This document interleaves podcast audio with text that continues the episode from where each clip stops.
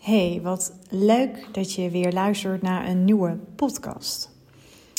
Nou, deze podcast heb ik ja, eigenlijk samengesteld of ik ben geïnspireerd door mijn eigen klanten, door sales calls die ik heb met klanten.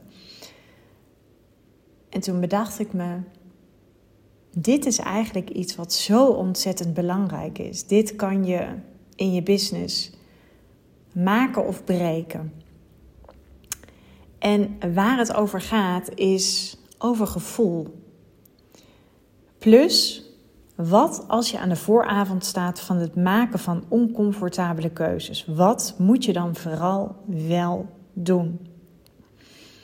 Nou, ik weet dat er op Instagram is er natuurlijk ergens ook een beetje een bubbel gaande van dat dingen goed moeten voelen, dat we dingen moeten laten landen ik ben het daar niet zo mee eens. En ik zal je vertellen waarom niet. Omdat ik uit ervaring weet dat gevoel gewoon heel vaak gekleurd is vanuit oude conditioneringen. En ons brein gelooft altijd datgene wat we eerder hebben ervaren vanuit het verleden. Dat is ook wel dat onderbewuste brein. En we weten allemaal dat ja, in 95 tot 98 procent van de gevallen wij keuzes maken vanuit ons onderbewuste brein. Dus op het moment dat we zeggen iets moet wel goed voelen, ja, dan ben je feitelijk bezig om iets te vermijden. Het is vaak een heel makkelijk alibi om uit te stellen, om iets niet te doen. Want wanneer voelt iets goed?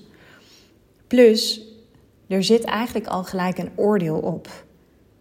Want kennelijk moet dus iets goed voelen. Maar dan streef je naar een soort van dat iets altijd goed moet zijn. En als je streeft naar iets wat altijd goed moet zijn, dan blijf je enorm hangen in die perfectionistische modus. En perfect is the enemy of done. Dus ik geloof niet zo in dat iets goed moet voelen alvorens je het gaat doen. Want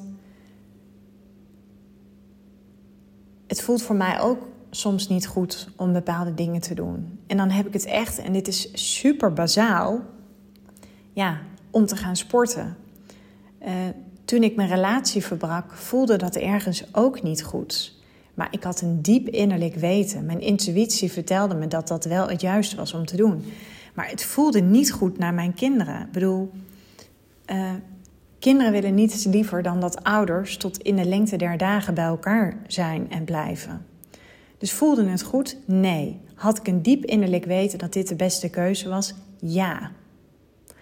Maar als je dus zegt dat iets goed moet voelen, nogmaals, dan streef je dus altijd naar een situatie waarbij het altijd allemaal goed gaat.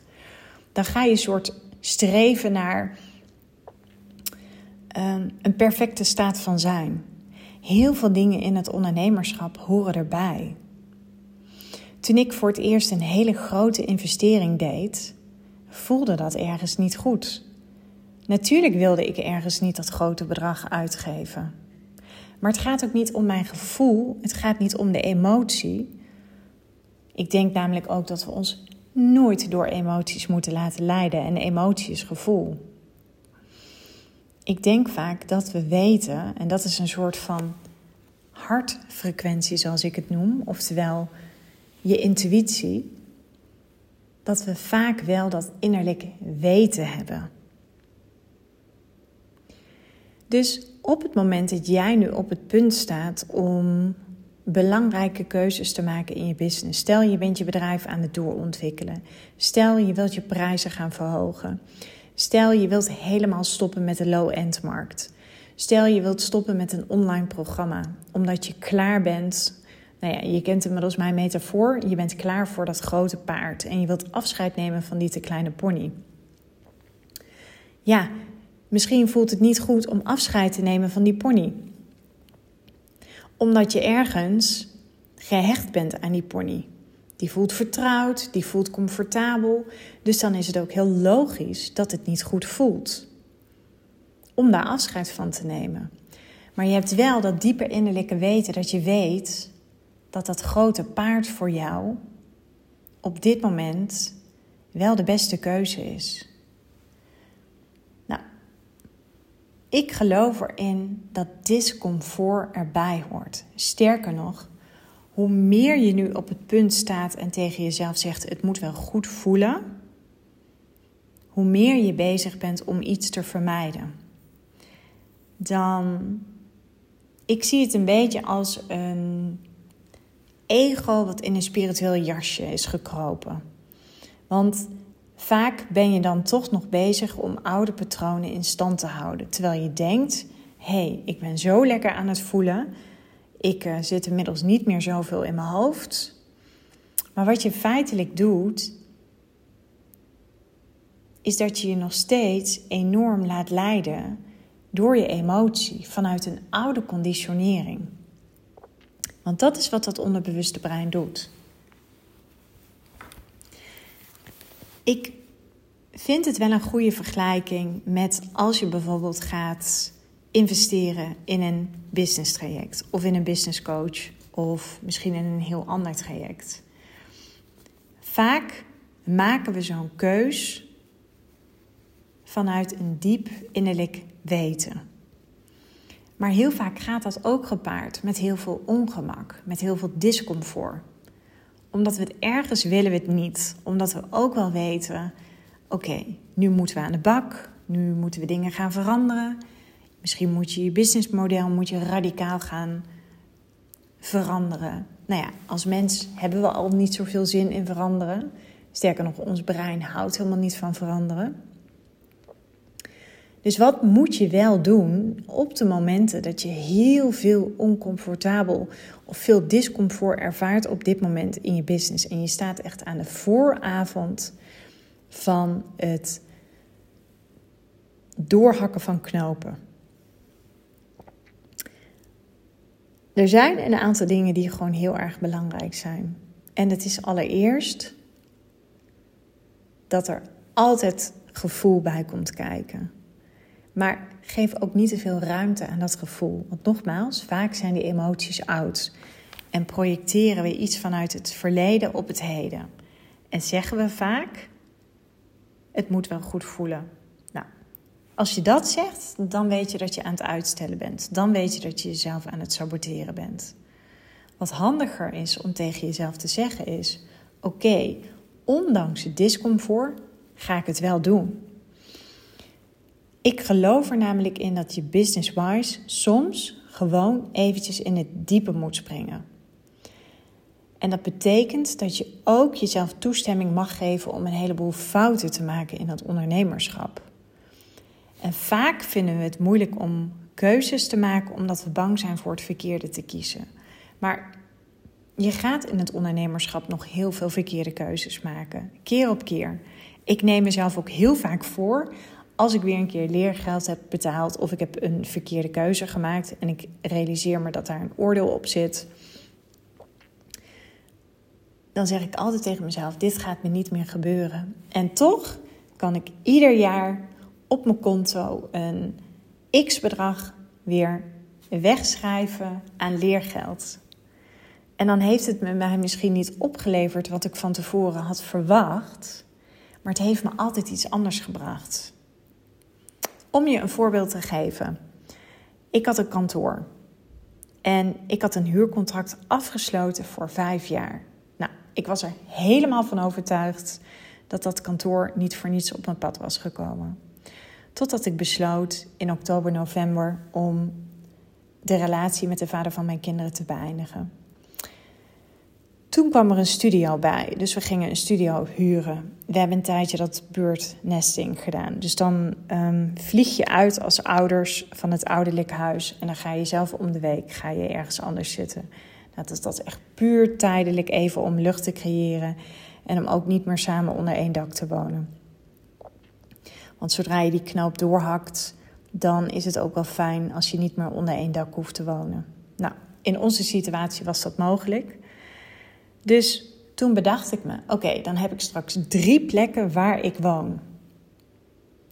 En toen dacht ik: ja, dan ga ik mijn kantoor opzeggen. Oké, dat was best uitdagend, want ik had een contract voor vijf jaar afgesloten. Dus ik wist dat ik bij wijze van spreken sowieso 50.000 euro uh, moest betalen. Dat sowieso. En dat voelde ergens niet goed. Natuurlijk wilde mijn ego niet dat geld betalen. Nou, uiteindelijk heb ik dat kunnen onderhandelen, heb ik het kunnen afkopen, heb ik een x-bedrag kunnen betalen. Dat voelde niet goed, maar dat was op dat moment wel de beste keus voor de lange termijn. Dus hiermee wil ik even aangeven dat het is misschien niet op dat moment, voelt het misschien niet goed, maar het is wel de beste keus.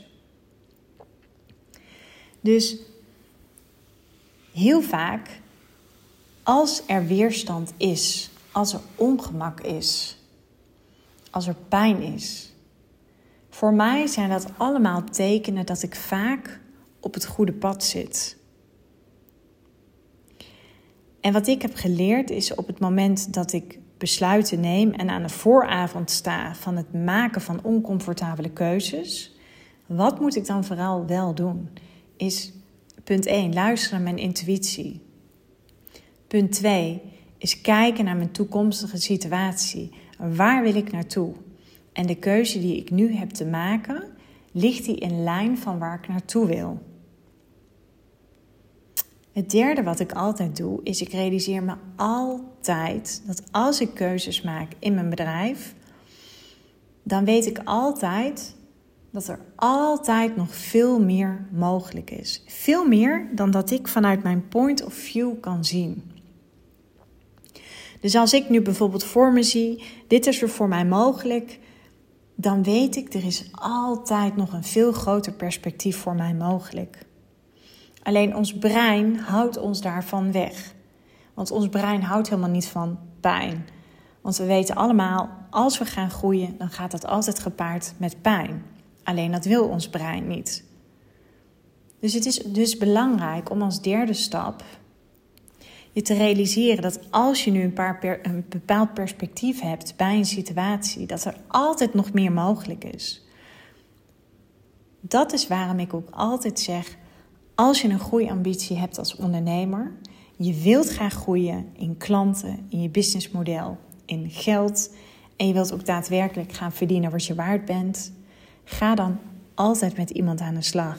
Laat je coachen in dat proces. En ik weet het, het lijkt inmiddels een soort van verkoopargument, maar het is echt waar. De keren dat ik geen business coach had, ging mijn groei veel minder snel. Wij kunnen onszelf als mens niet helpen. We zijn niet in staat om ons eigen point of view te veranderen. We kunnen dat grote perspectief bij onszelf niet zien. Suus zei laatst tegen mij in een podcast-interview: zei ze tegen mij, Floor, zei ze, jij moet spreker worden. En tuurlijk is dat iets ik bedoel, ik heb in het verleden heb ik vaak zat talks gegeven toen ik nog een loondienstverband was. En ik heb presentaties moeten geven. Dus voor groepen staan is mij niet vreemd. Ik vind dat ook heel leuk. En ik zie mezelf ook echt wel als spreker. Alleen ergens heb ik ook wel een stemmetje in mijn hoofd dat ik denk van ja, waar ga ik het dan over hebben? En wat is dan nog interessant vandaag de dag? Want er zijn al zoveel business coaches die van alles vertellen. En dat is wat ik bedoel. Een ander ziet altijd dat grote potentieel, dat perspectief.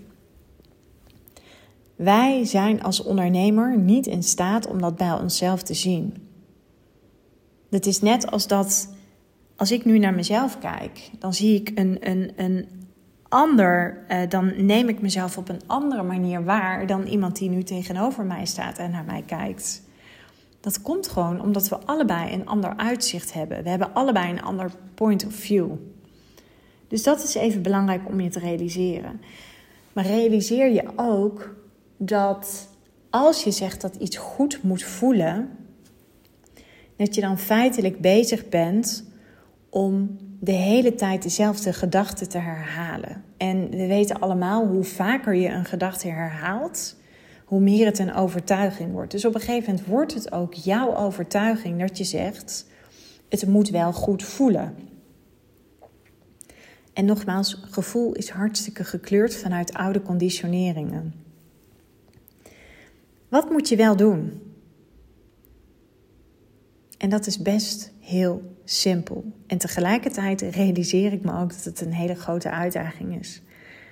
Ga op die springplank staan en spring. Heb vertrouwen. Als je iets nodig hebt in het ondernemerschap, is het het constant blijven trainen van je spier van vertrouwen. Als je dat niet hebt, als je dat niet traint, dan ga je je verschuilen achter allerlei oude overlevingsstrategieën. Dan ga je vermijden, dan ga je vluchten, dan ga je bevriezen, dan ga je vechten. Ik geloof erin dat, dat je datgene mag gaan doen wat je uitdagend vindt. En ik gebruik bewust niet het woord angst, want heel eerlijk, er is op dit moment geen oorlog in Nederland. Er gaat op dit moment ook niemand dood op het moment dat jij een bepaalde keuze maakt. Dus wat is het allerergste dat je kan overkomen? Als je uiteindelijk achteraf ervaart dat je een verkeerde keuze hebt gemaakt. Dan ben je er altijd wijzer door geworden. Het heeft je altijd iets opgeleverd en misschien wel iets heel anders dan je van tevoren had verwacht. Maar dan nog heeft het je iets opgeleverd.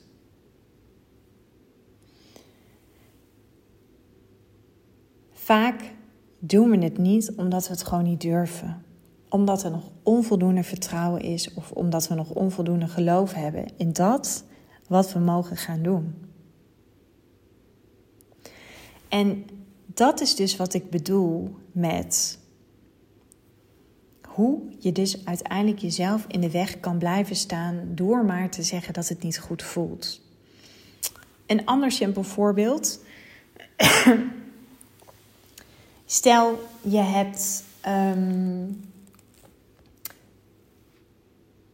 het voelt niet goed om online relaties te bouwen. Nou, waar ik sowieso niet in geloof, want vrouwen zijn bij uitstek super goed in het bouwen van online relaties. Sterker nog, mijn hele businessmodel bestaat uit het bouwen van online relaties. En waarom zijn vrouwen er goed in? Omdat ze A, vrouwelijke intuïtie hebben. B, zijn het ontzettende empathen. C, zijn ze heel goed in flirten en in verleiden. Nou, als je iets nodig hebt voor het bouwen van online relaties, is dat het wel. Maar op het moment dat jij zegt, ja, dat voelt niet goed of dat past niet bij mij, dan zeg je daarmee, dan wordt dat een soort van overtuiging. Dan ga je daarin geloven. En als je dan bijvoorbeeld zegt, ja, dat voelt niet goed voor mij om uit te reiken naar andere mensen, dan is dat vaak omdat er ergens nog een oude overtuiging aan ten grondslag ligt. En dan kan het zomaar zijn dat je het misschien uh, moeilijk vindt om contact te leggen, of dat je misschien zegt: Ik ben een hartstikke introvert, of ik weet niet zo goed hoe ik dat moet doen, of misschien vanuit een oude situatie, vanuit loondienstverband of wat dan ook, vond je het moeilijk om te netwerken. Het is altijd mogelijk. Het zijn heel vaak heeft het te maken met de verhalen die wij onszelf keer op keer vertellen. En ik weet het, hè, voelen is hartstikke belangrijk. Ik ben zelf ook een enorm, een enorm gevoelsmens. Alleen ik geloof niet zo dat je in het ondernemerschap en als je een enorme groeiambitie hebt, dan is het echt mijn overtuiging dat het niet goed is om je te laten leiden door je, door je gevoel. Gevoel is nogmaals gekleurd en is heel vaak een slechte raadgever. Ik geloof dat je beter op dat moment je angst als raadgever mag gaan aannemen. Want angst geeft aan dat daar je grootste groei zit. Want het tegenovergestelde van angst is verlangen. En een verlangen is er omdat je het nog niet hebt. Dus als je jezelf toestemming geeft om juist die angst er durven te laten zijn, maar tegen jezelf te zeggen: Oké, ik vind het uitdagend, maar ik ga het wel doen. Dan weet ik gewoon dat het een enorme groeiversneller is. En heel vaak is dat ook hetgeen wat we vaak niet durven. Omdat we soms misschien bang zijn om te schijnen, uh, bang zijn om te stralen, bang dat het ons beter gaat dan bijvoorbeeld onze familie of onze vrienden of onze ouders. En dus zeggen we: het moet wel goed voelen. Dus ik hoop dat ik jou met deze podcast heb kunnen inspireren. Dat op het moment dat je heel vaak de woorden uitspreekt, het moet wel goed voelen. Dat het feitelijk gewoon een alibi is om iets niet te gaan doen. Terwijl jij deep down, jij hebt dat innerlijk weten. En jij weet ook van jezelf dat het vaak ook een vermijdingsstrategie is om datgene niet te hoeven gaan doen, omdat je denkt dat je er niet klaar voor bent of wat dan ook al die redenen zijn. Ik wil je uitnodigen. Ik wil je uitdagen om mij een DM te sturen of een bericht via LinkedIn en met mij te delen waarbij zeg jij nu het moet wel goed voelen. En dan wil ik je heel graag liefdes, liefdevol een spiegel voorhouden en je vertellen wat je wel mag gaan doen. En ook wat het je uiteindelijk op zou kunnen leveren. Ik wil je weer ontzettend bedanken voor het luisteren naar deze podcast en uh, tot later.